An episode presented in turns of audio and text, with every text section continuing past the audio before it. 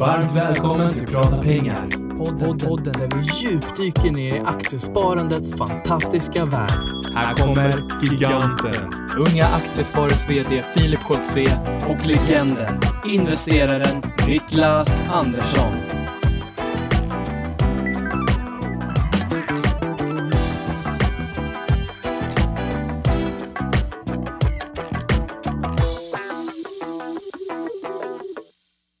Då säger vi äntligen måndag och varmt välkommen till Prata pengar. Eh, Vi ska först bara säga att eh, idag är det torsdag den 29 på morgonen när vi spelar in Niklas. Mm, det är det och det är lite kyligare ute och vi har en riktigt spännande gäst med oss. Vi har en riktigt spännande gäst med oss idag som vi har längtat. Det är väl, vad var det, är det ett halvår sedan ungefär när du stod eh, vid Brunkebergs torg och skulle hämta ut 200 Det var där det började. Ja, jag skulle växla till med en Bergman och sen fråga vart man kunde ta ut kontanter så insåg jag att min gamla arbetsgivare låg ju runt hörnet, fick jag skämmas lite grann.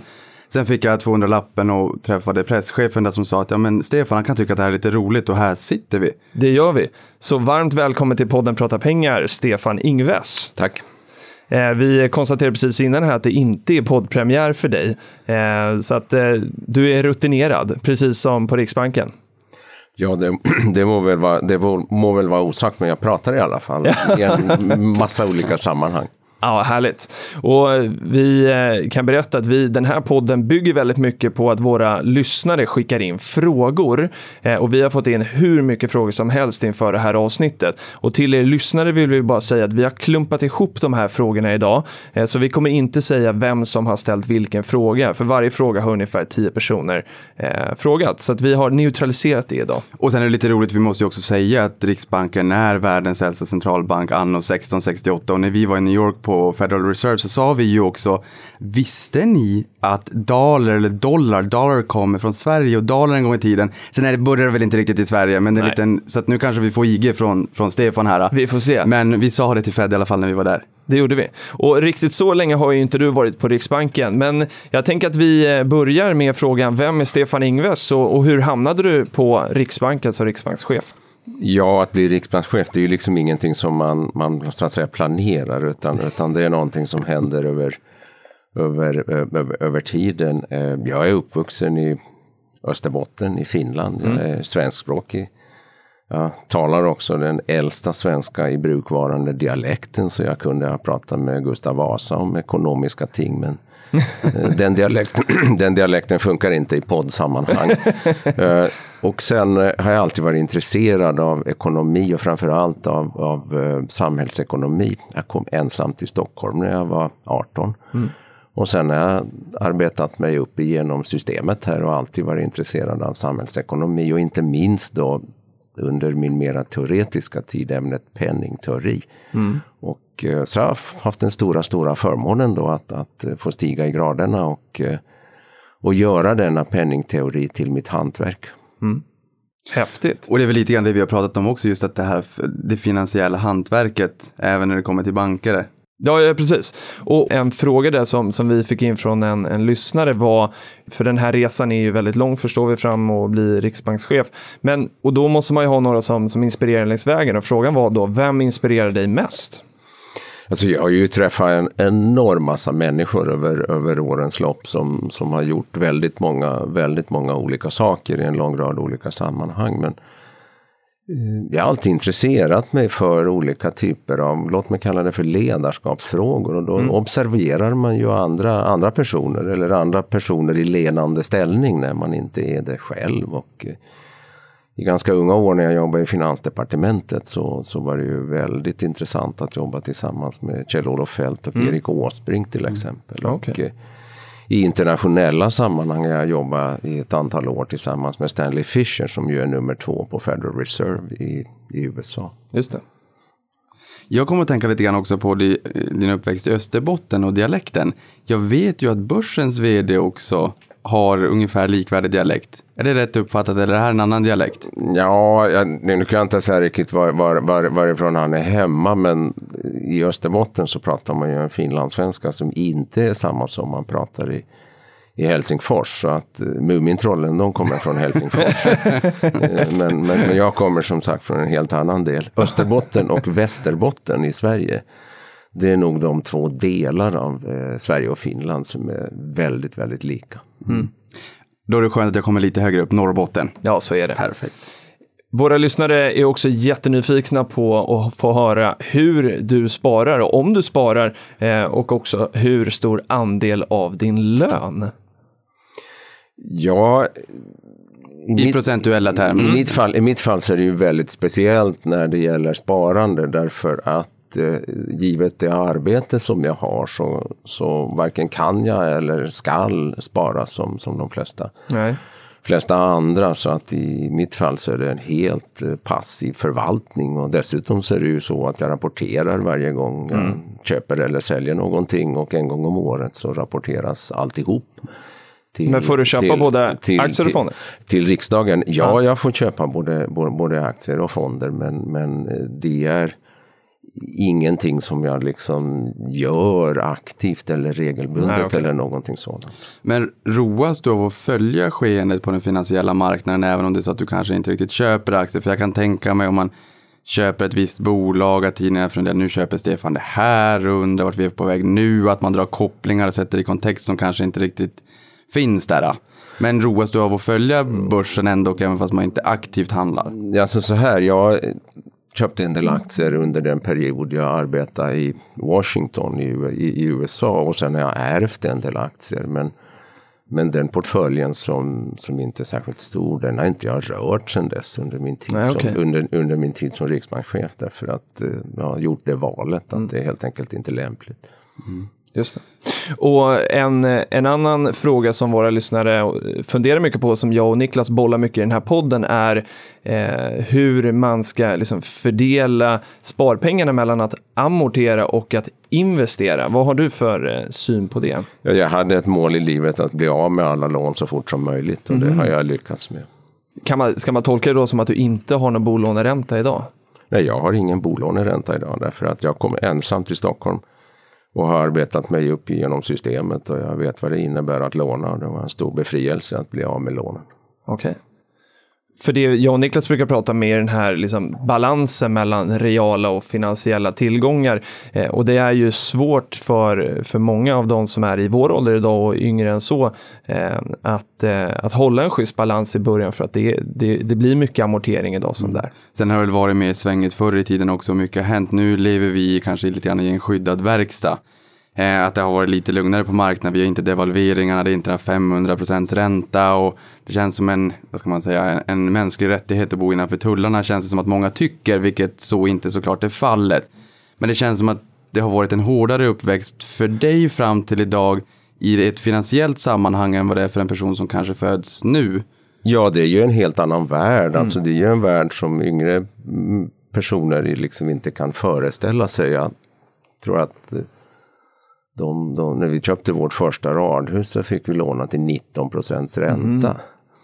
Och, och det är ju inte någonting som någon människa idag har hört talas om överhuvudtaget när man argumenterar om bohusbredden gick upp med 25 punkter eller, eller inte. Så att i det avseendet så pratar vi om fullständigt olika världar. Sen är det ju också så att att, att jag var med och skötte den svenska bankkrisen i början på 90-talet och jag har skött, eller varit med och hanterat många bankkriser på olika håll i världen. Så att jag har ju liksom sett finansiell instabilitet inifrån på ett sätt som nästan ingen ung människa i Sverige någonsin har konfronterats med idag.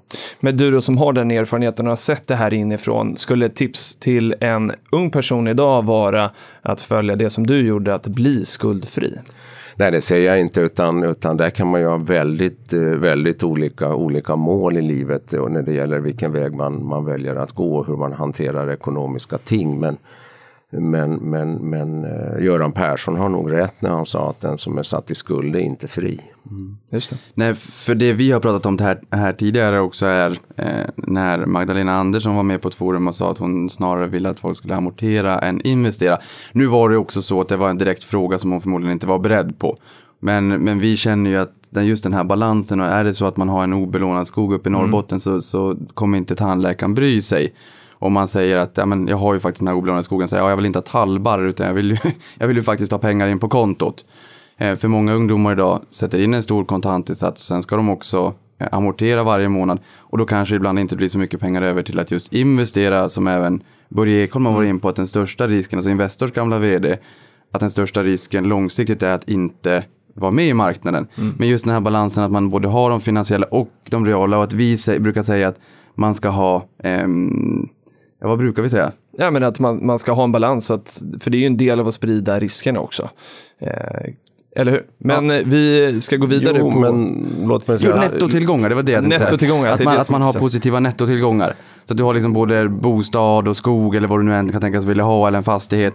Och sen så liksom både buffert på konto och så lång och kortsiktigt sparande. Jo, men ditt exempel är orealistiskt när det gäller de flesta människor och när det gäller de flesta unga, unga människor. Därför att deras nettotillgångar är väldigt små. Ja.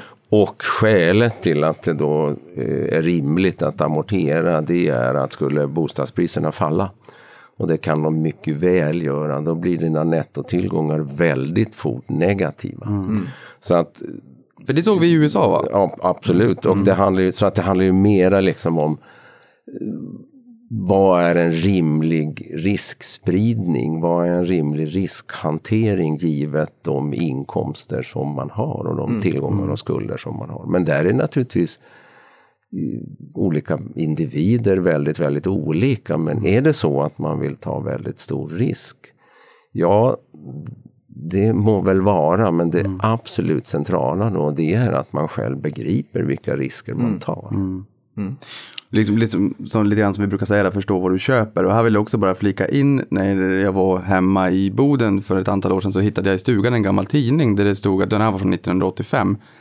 Och då stod det att man hade höjt diskontot två procentenheter och att det var färdiglånat. Man fick inte, det var helt slut på utlåningen i Norrbotten. Spelar ingen roll om du ville köpa en bil eller en bostad, det gick inte att låna. Medan idag har vi ju eh, egentligen en hel generation snart som uppväxt utan positiva räntor. Alltså reporäntan då tänker jag på. Så det är ju också ganska farligt att inte ha historien med sig som du berättar här. Att det såg ju faktiskt annorlunda ut förut. Att eh, få ett nej från banken idag, inte bara för att jag inte har en disponibel inkomst nog för att kunna låna det här, utan att det var helt stopp. Det hade man ju, då hade ju folk trott att man var galen om man sa det. Det, alltså, det var ju inte riktigt helt stopp därför att det gick alltid att ta sig runt systemet på ett eller annat sätt. Så som det fungerade då. Det, det fanns då det som man kallar på den tiden för den grå kreditmarknaden. Numera så går samma fenomen internationellt under begreppet shadow banking. Skugg, Ja, skuggbanker. det. Men den stora nackdelen med det systemet var ju att det var väldigt det behandlar människor väldigt, väldigt olika. Därför att de som förstod hur systemet fungerar, de kunde alltid låna och de som var liksom sist in, in i systemet, de fick inte låna. Så att i det avseendet så är dagens system mycket bättre därför att det är en stor välfärdsvinst faktiskt för de flesta människor. Att, Absolut. att du inte behöver liksom buga när du går in på bankkontoret utan passar det inte kan du gå någon annanstans. Men samtidigt så finns ju hela tiden faran med att låna för mycket. Verkligen. Och det är väl också en bra, ett bra medskick där att man inte bara ska låna upp, eh, upp över näsan utan man faktiskt ska tänka lite mer långsiktigt. Vad händer ifall det är så att jag tappar mina inkomster eller att det värsta livet händer? Eh, Stefan, du är inne på skuggbanker. Kort bara, vi vaknade ju i 4 januari i år och insåg att börsen i Kina hade fallit väldigt mycket. Eh, och sen har det pratats en hel del om skuggbankerna där och du var in på det nu också. Går det väldigt kort bara att förklara i skuggbankerna och dra kopplingen till Kina hur svenska sparare ska tänka när man pratar väldigt mycket om skuggbanker i Kina som växer fram och oron. Ja, vi kan säga så här att i slutet på 80-talet, början på 90-talet när vi hade den svenska bankkrisen. Då hade vi banker och sen hade vi ett stort antal finansbolag. När bankerna inte lånade ut så gick man till finansbolagen istället och så lånade bankerna, finansbolagen ut väldigt mycket pengar till kommersiella fastigheter. Sen i sin tur så köpte bankerna eh, de skuldsedlar som finansbolagen gick, gav ut. Finansbolagen gick överstyr när den kommersiella fastighetsmarknaden i Sverige kraschade totalt. Och sen gick bankerna överstyr därför att de hade lånat ut en massa pengar till finansbolagen. Kina är naturligtvis oändligt mycket större än Sverige men, men själva fenomenet är i stort sett identiskt. Ja, det är intressant. Jag tänker att vi ska gå in eh, på eh, ditt yrke på Riksbanken och också reda ut frågan kring penning och finanspolitiken. För nu är vi inne och pratar lite om, om amortering och hur, hur, man, eller hur folket är skuldsatt. Eh, skulle du kunna förklara lite vad skillnaden är mellan eh, finans och penningpolitiken? Ja, om vi nu börjar i ändan, i ändan med skulder så kan vi säga så här att under 80 och 90-talet så hade hushållen betydligt lägre skulder och staten hade oändligt mycket högre skulder. Idag är det precis tvärtom, att staten, svenska staten i förhållande till ett stort antal andra länder har mycket låga skulder. Men istället så är det hushållen som är skuldsatta. Så att det är liksom vänt åt, åt, andra, åt andra hållet. Men åter till det här med, med, med eh, finanspolitik och penningpolitik. Vi är en del av det finansiella systemet. Vi kan skapa pengar på ett sätt som ingen annan kan i Sverige. Därför att vi kan använda vår balansräkning rent tekniskt för att göra det. Finanspolitik, det handlar om skatteintäkter och skatteutgifter och hur man använder då statens resurser i olika, olika sammanhang. Så i det här avseendet är det två helt olika saker. Däremot så är det så att man kan använda både penningpolitik genom att till exempel sänka räntan så att det blir billigare att låna.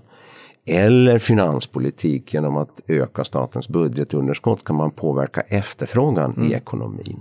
Inte på samma sätt men på ett likartat sätt. Men, men vad är bäst? Ska det vara skulder bland hushållen eller skulder hos, eh, i, från statligt håll?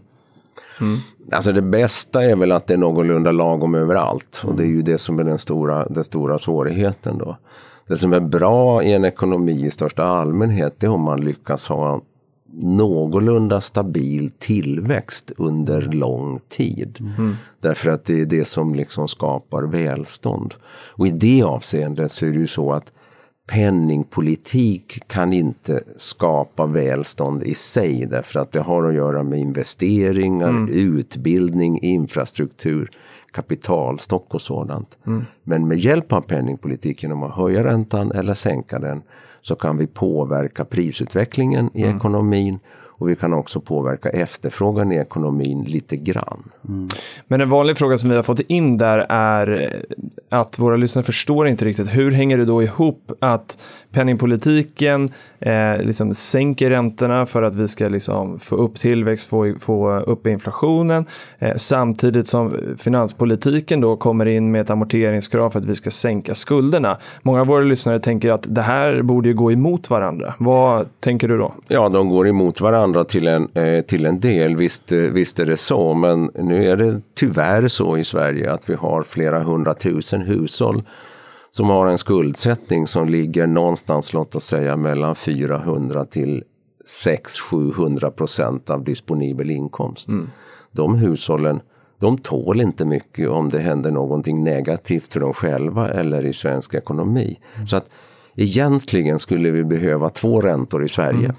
En, Okej. för, en för företag som är låg och en mycket, mycket högre ränta eh, för hushållen så att man inte lånar så mycket. Det, det kan inte vi åstadkomma därför att då skulle vi återgå till det regleringssystem som vi hade på 80-talet som vi började att prata om alldeles nyss. Och då måste man göra någonting annat som gör det lite svårare att låna för hushållen. Till exempel ett amorteringskrav, höja fastighetsskatten eller ta bort avdragsrätten för eh, låneräntor.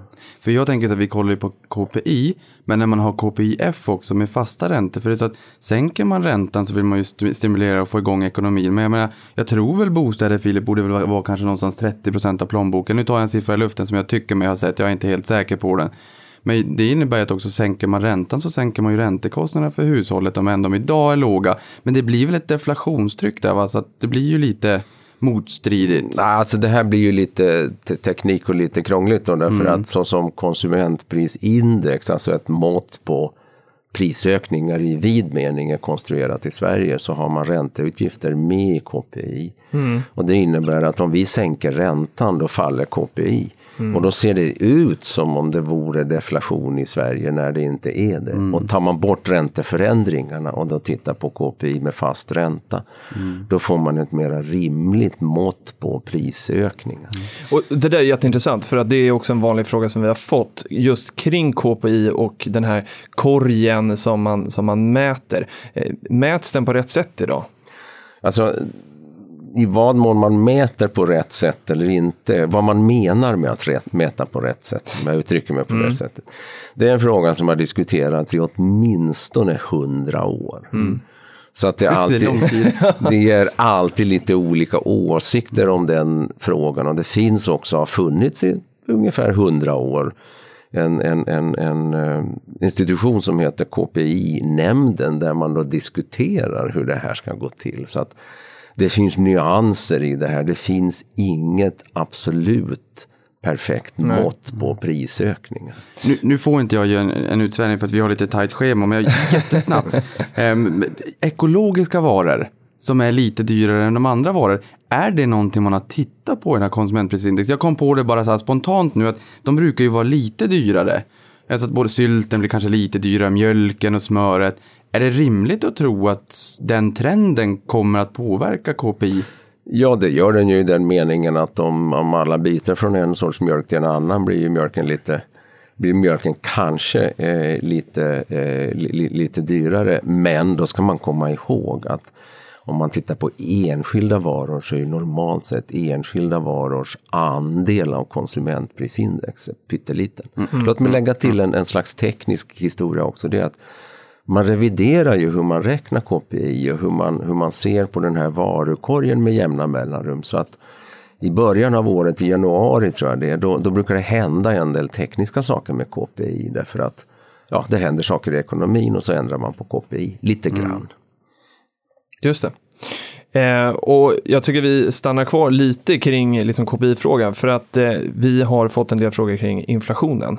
Eh, och det här med att inflationen ska vara, man har ett mål på att det ska vara 2% Vad betyder det här? Eh, våra lyssnare förstår inte vad det betyder, det är knappt att jag förstår. Vad, vad innebär det här egentligen och varför 2% Ja, vad det betyder det är att vi vet att om man har oerhört stora och kraftigt varierande prisökningar då har de flesta människor väldigt svårt att planera sin ekonomi. För man vet egentligen inte i ekonomisk mening vad som händer imorgon. Och de mest extrema exemplen det är ju liksom länder med hyperinflation. Vi kan ta Zimbabwe. Eller... Jag har 35, mil- eh, 35 triljoner dollar någonting. Jag har en sån där sedel här. Man betalar 35 kronor för den, men den är nog inte värd pappret den är tryckt på. Nej, och då... 100 trillion dollars. Just det, och då blir ju liksom det väldigt bekymmersamt för då funderar alla på hur ska jag klara mig ekonomiskt till, till nästa dag. Och i det avseendet så är det mycket, mycket bättre då när det gäller ekonomisk utveckling om inflationstakten fungerar liksom ungefär som elektricitet. Vi kan, vi kan lita på att det kommer liksom 220 volt eh, ur, ur kontakten varje dag. Därför att om det ena dagen kom 50 och andra dagen 500 då ska alla, alla våra apparater gå sönder. Och ekonomin fungerar på samma, på samma sätt. Eh, Samtidigt så är det så att 2% är ganska lagom och bra därför att vi vill inte heller ha långa perioder med fallande priser. Och låt mig förklara därför att Ja, om, om, om priserna faller då blir det ju väldigt lönsamt att inte att skjuta upp alla köp till imorgon. För då kan jag köpa till ett lägre pris. Lite Japan. Ja, och om det inträffar, ja då lägger ju liksom alla av och då blir den ekonomiska aktiviteten ännu lägre än vad det var innan. Och det är ett väldigt liksom dåligt scenario. Så att man behöver lite respektavstånd ifrån noll eller minus. Och Österbotten där du kommer ifrån, man skulle kunna säga att det är lite grann finsk eh, sauna i sådana fall. Då sitter alla trycker högst upp i bastun tills priserna har gått ner och det vill vi ju inte. Nej, det blir liksom inte bra. Det vet vi ju av erfarenhet också om man tittar på många länder och över, över liksom historien. Att, att långa perioder med fallande priser, det blir dåligt i ekonomisk mening. Står vi ut i det här måttet, de här två procentenheterna, eller finns det nå- någonstans i världen där det är betydligt högre än så, eller är det ganska gängse? Nej, man kan väl säga så här att i de länder där man har klarat den här frågan med att hantera prisökningstakten eller penningvärdet då, som är ett annat sätt att uttrycka samma sak på.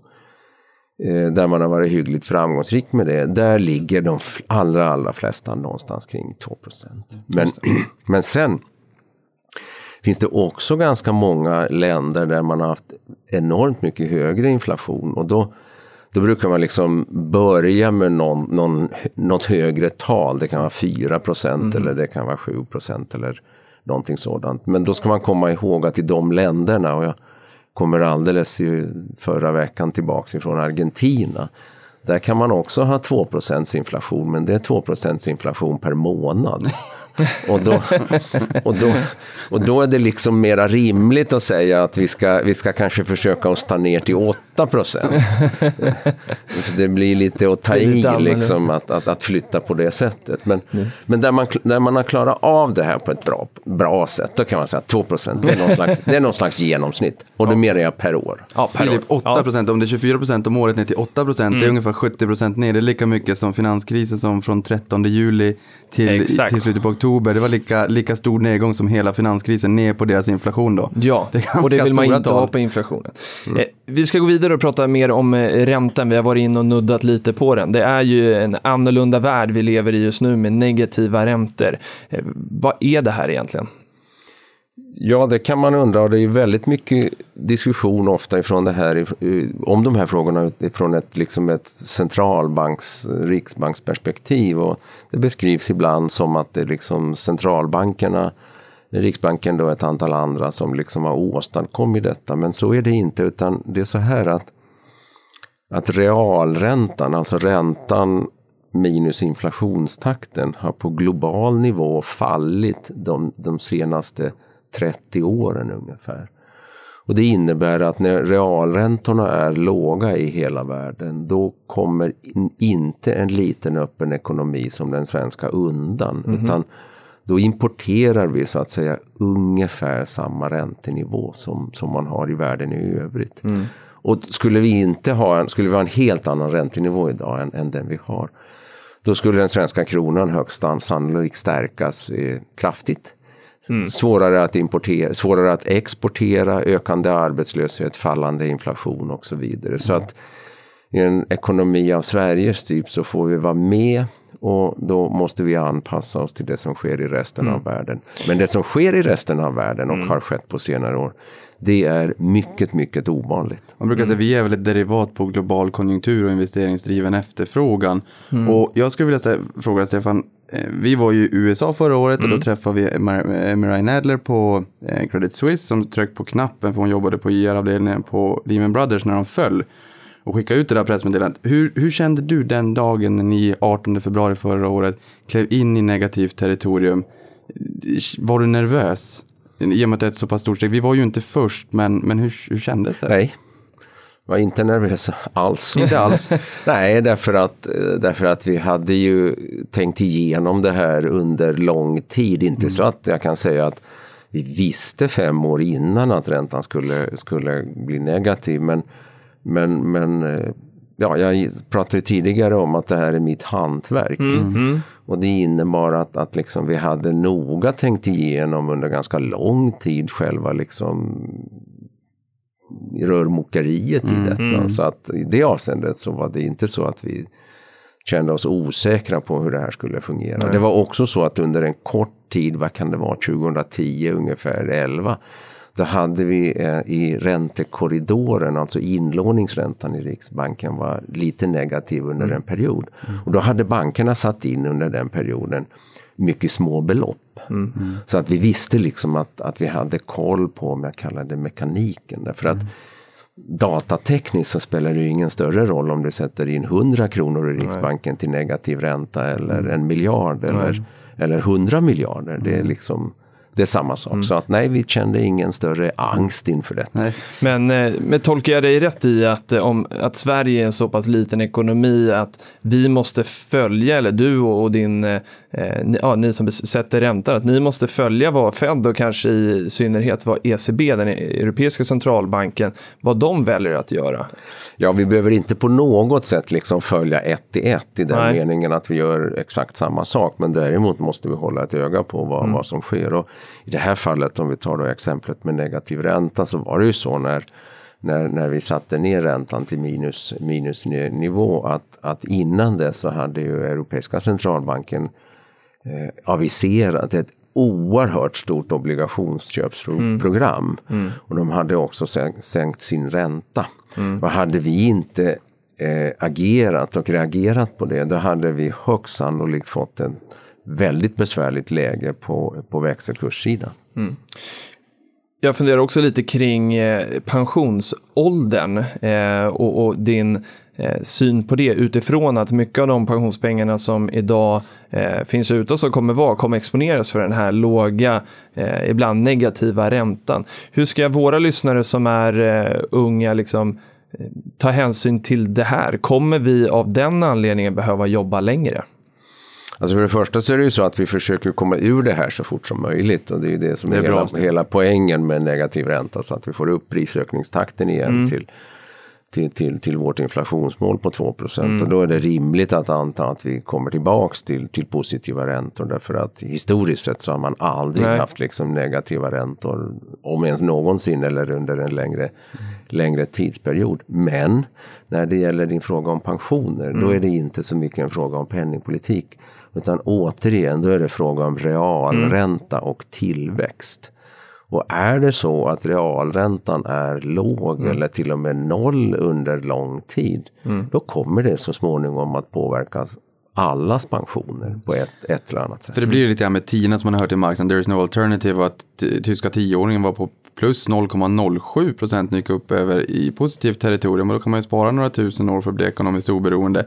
Sen var det också första gången någonsin, mig veterligen för någon vecka sedan, när Henkel och Sanofi, två bolag, Henkel som äger både Schwarzkopf och Barnängen bland annat exempelvis då, gick över på negativt territorium för första gången. Alltså två bolag globalt som får betalt för att låna pengar.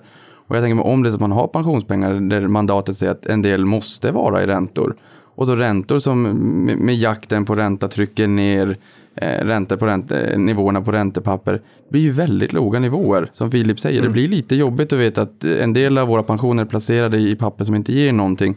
Men nu säger du att vi ska upp på, på, på bra nivåer igen. Jo, men alltså vi kommer ju inte undan detta. När världen ser ut så som den gör, då, då, spelar det, då kan du ha alla möjliga ställt ut alla möjliga tekniska eh, pensionslöften, om jag uttrycker mig på det sättet. Men i slutändan, om du inte får en, av, en, en avkastning på pengarna, så får du inte en avkastning. Då finns det bara ett sätt att hantera det om man tänker på det i, i livbolagstermer. Eh, pensionstagarna får mindre pengar längre fram. Eller så tar du av nästa generation och det fungerar inte för då blir det ju ett kedjebrev så att det liksom kraschar förr eller senare.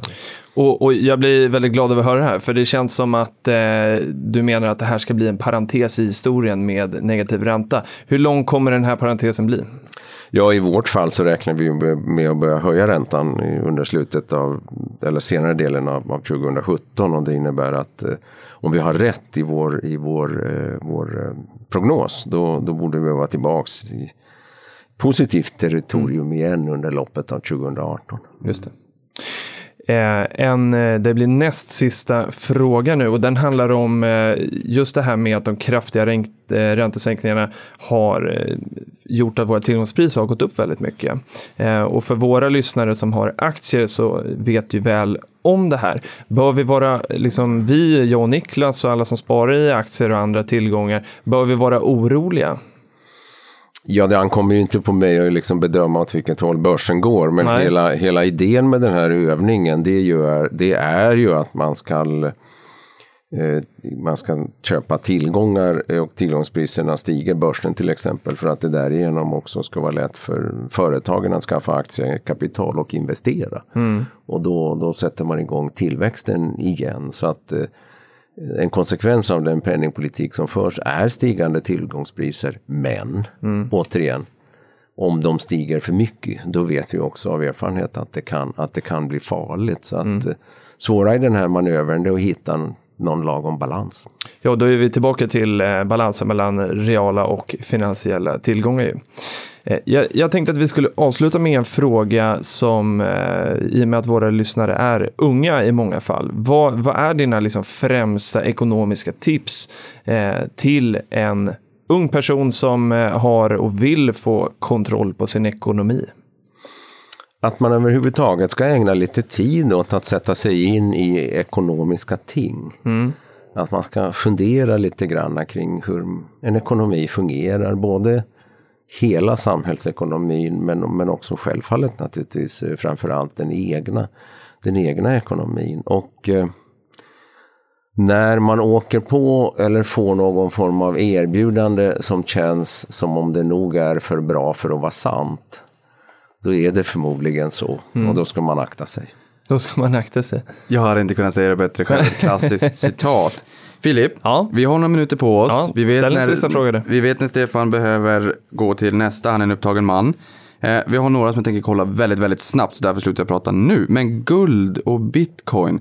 Vi brukar ha lite flykt till guld i osäkra tider eller kanske tider med inflation. Och sen även det här fenomenet bitcoin. Jag tycker mer att det är att spekulera, men sen har vi den här blockchain-tekniken, infrastrukturen bakom. Diskuteras det här någonting i Riksbanken? Ser ni det här eller fnyser ni bara åt det? Ja, för det första då det här med guld. Det är ju, ja, guld har liksom alltid funnits där i, i flera tusen år och, och det är fokus, alltid fokus på guld. Och det är närmast mytiskt det här om Riksbankens guldinnehav. Skillnad, skillnaden mellan guld och, och finansiella tillgångar är att guld är ingen annans skuld. Alla andra finansiella tillgångar är någon annans skuld. Det var klokt Ja, sagt. det var Och det, och det är därför som det då när det blir riktigt bekymmersamt i världen. Mhm, det är eh, därför man flyr dit. Man, man tenderar att liksom fly, fly till eh, guld. Man har ingen motpartsrisk. Nej, för du har ingen motpartsrisk. Nej. Du har, du har det liksom i källaren eller var det nu är någonstans. Sen den andra delen, det här med bitcoin då, det har ju att göra med framförallt den tekniska utvecklingen. Ja, just det. Och, och, och när det gäller den tekniska utvecklingen, där är det väldigt viktigt för oss, precis som alla andra i, i, i samhället, att, eh, att följa med och att liksom fundera kring Givet den tekniska utvecklingen, hur tycker vi att det här med pengar borde fungera? Och det är en oerhört viktig och central fråga och aktuell fråga för oss. Därför att Sverige är, tror jag, förmodligen det land i världen där bruket av sedlar och mynt minskar snabbast idag i hela världen. Och även om vi byter alla sedlar och mynt just nu och håller på med det några år så är det ändå så att bruket av sedlar och mynt går ner kraftigt. Det betyder att det är oerhört viktigt för oss och vi har ställt oss frågan hur skulle en värld se ut helt utan sedlar och mynt, där allting är elektroniskt? Och vad blir i så fall i en sån värld Riksbankens roll? Där kan man ju också tipsa om, om någon av våra lyssnare i Stockholm att, att svänga förbi myntkabinettet. För det Ja, är det inte heller så att det bara är sedlar som har varit Nej. gängse valuta tidigare, utan det har ju varit väldigt mycket olika saker. Så är det. Och det kommer ju nya mynt snart och på femkronan har jag läst att dina initialer kommer vara på plats. Ja, så är det därför att utöver att vara riksbankschef så har jag också titeln myntmästare, vilket är en, vilket är en titel som jag, som jag aldrig använder, men därav initialerna på mynten. Ja, vad kul. Då tackar vi eh, riksbankschefen, tillika då myntmästaren, för idag. Du är varmt välkommen tillbaka till den här podden. Vi har tyckt det har varit jätteroligt att få ha dig här och få ställa de här frågorna. Eh, Vi har tusen frågor till, så vi får ta dem till nästa gång. Eh, Stort tack och stort tack till dig också Niklas. Vi, eh, vi hörs igen nästa vecka. Tack. Tack!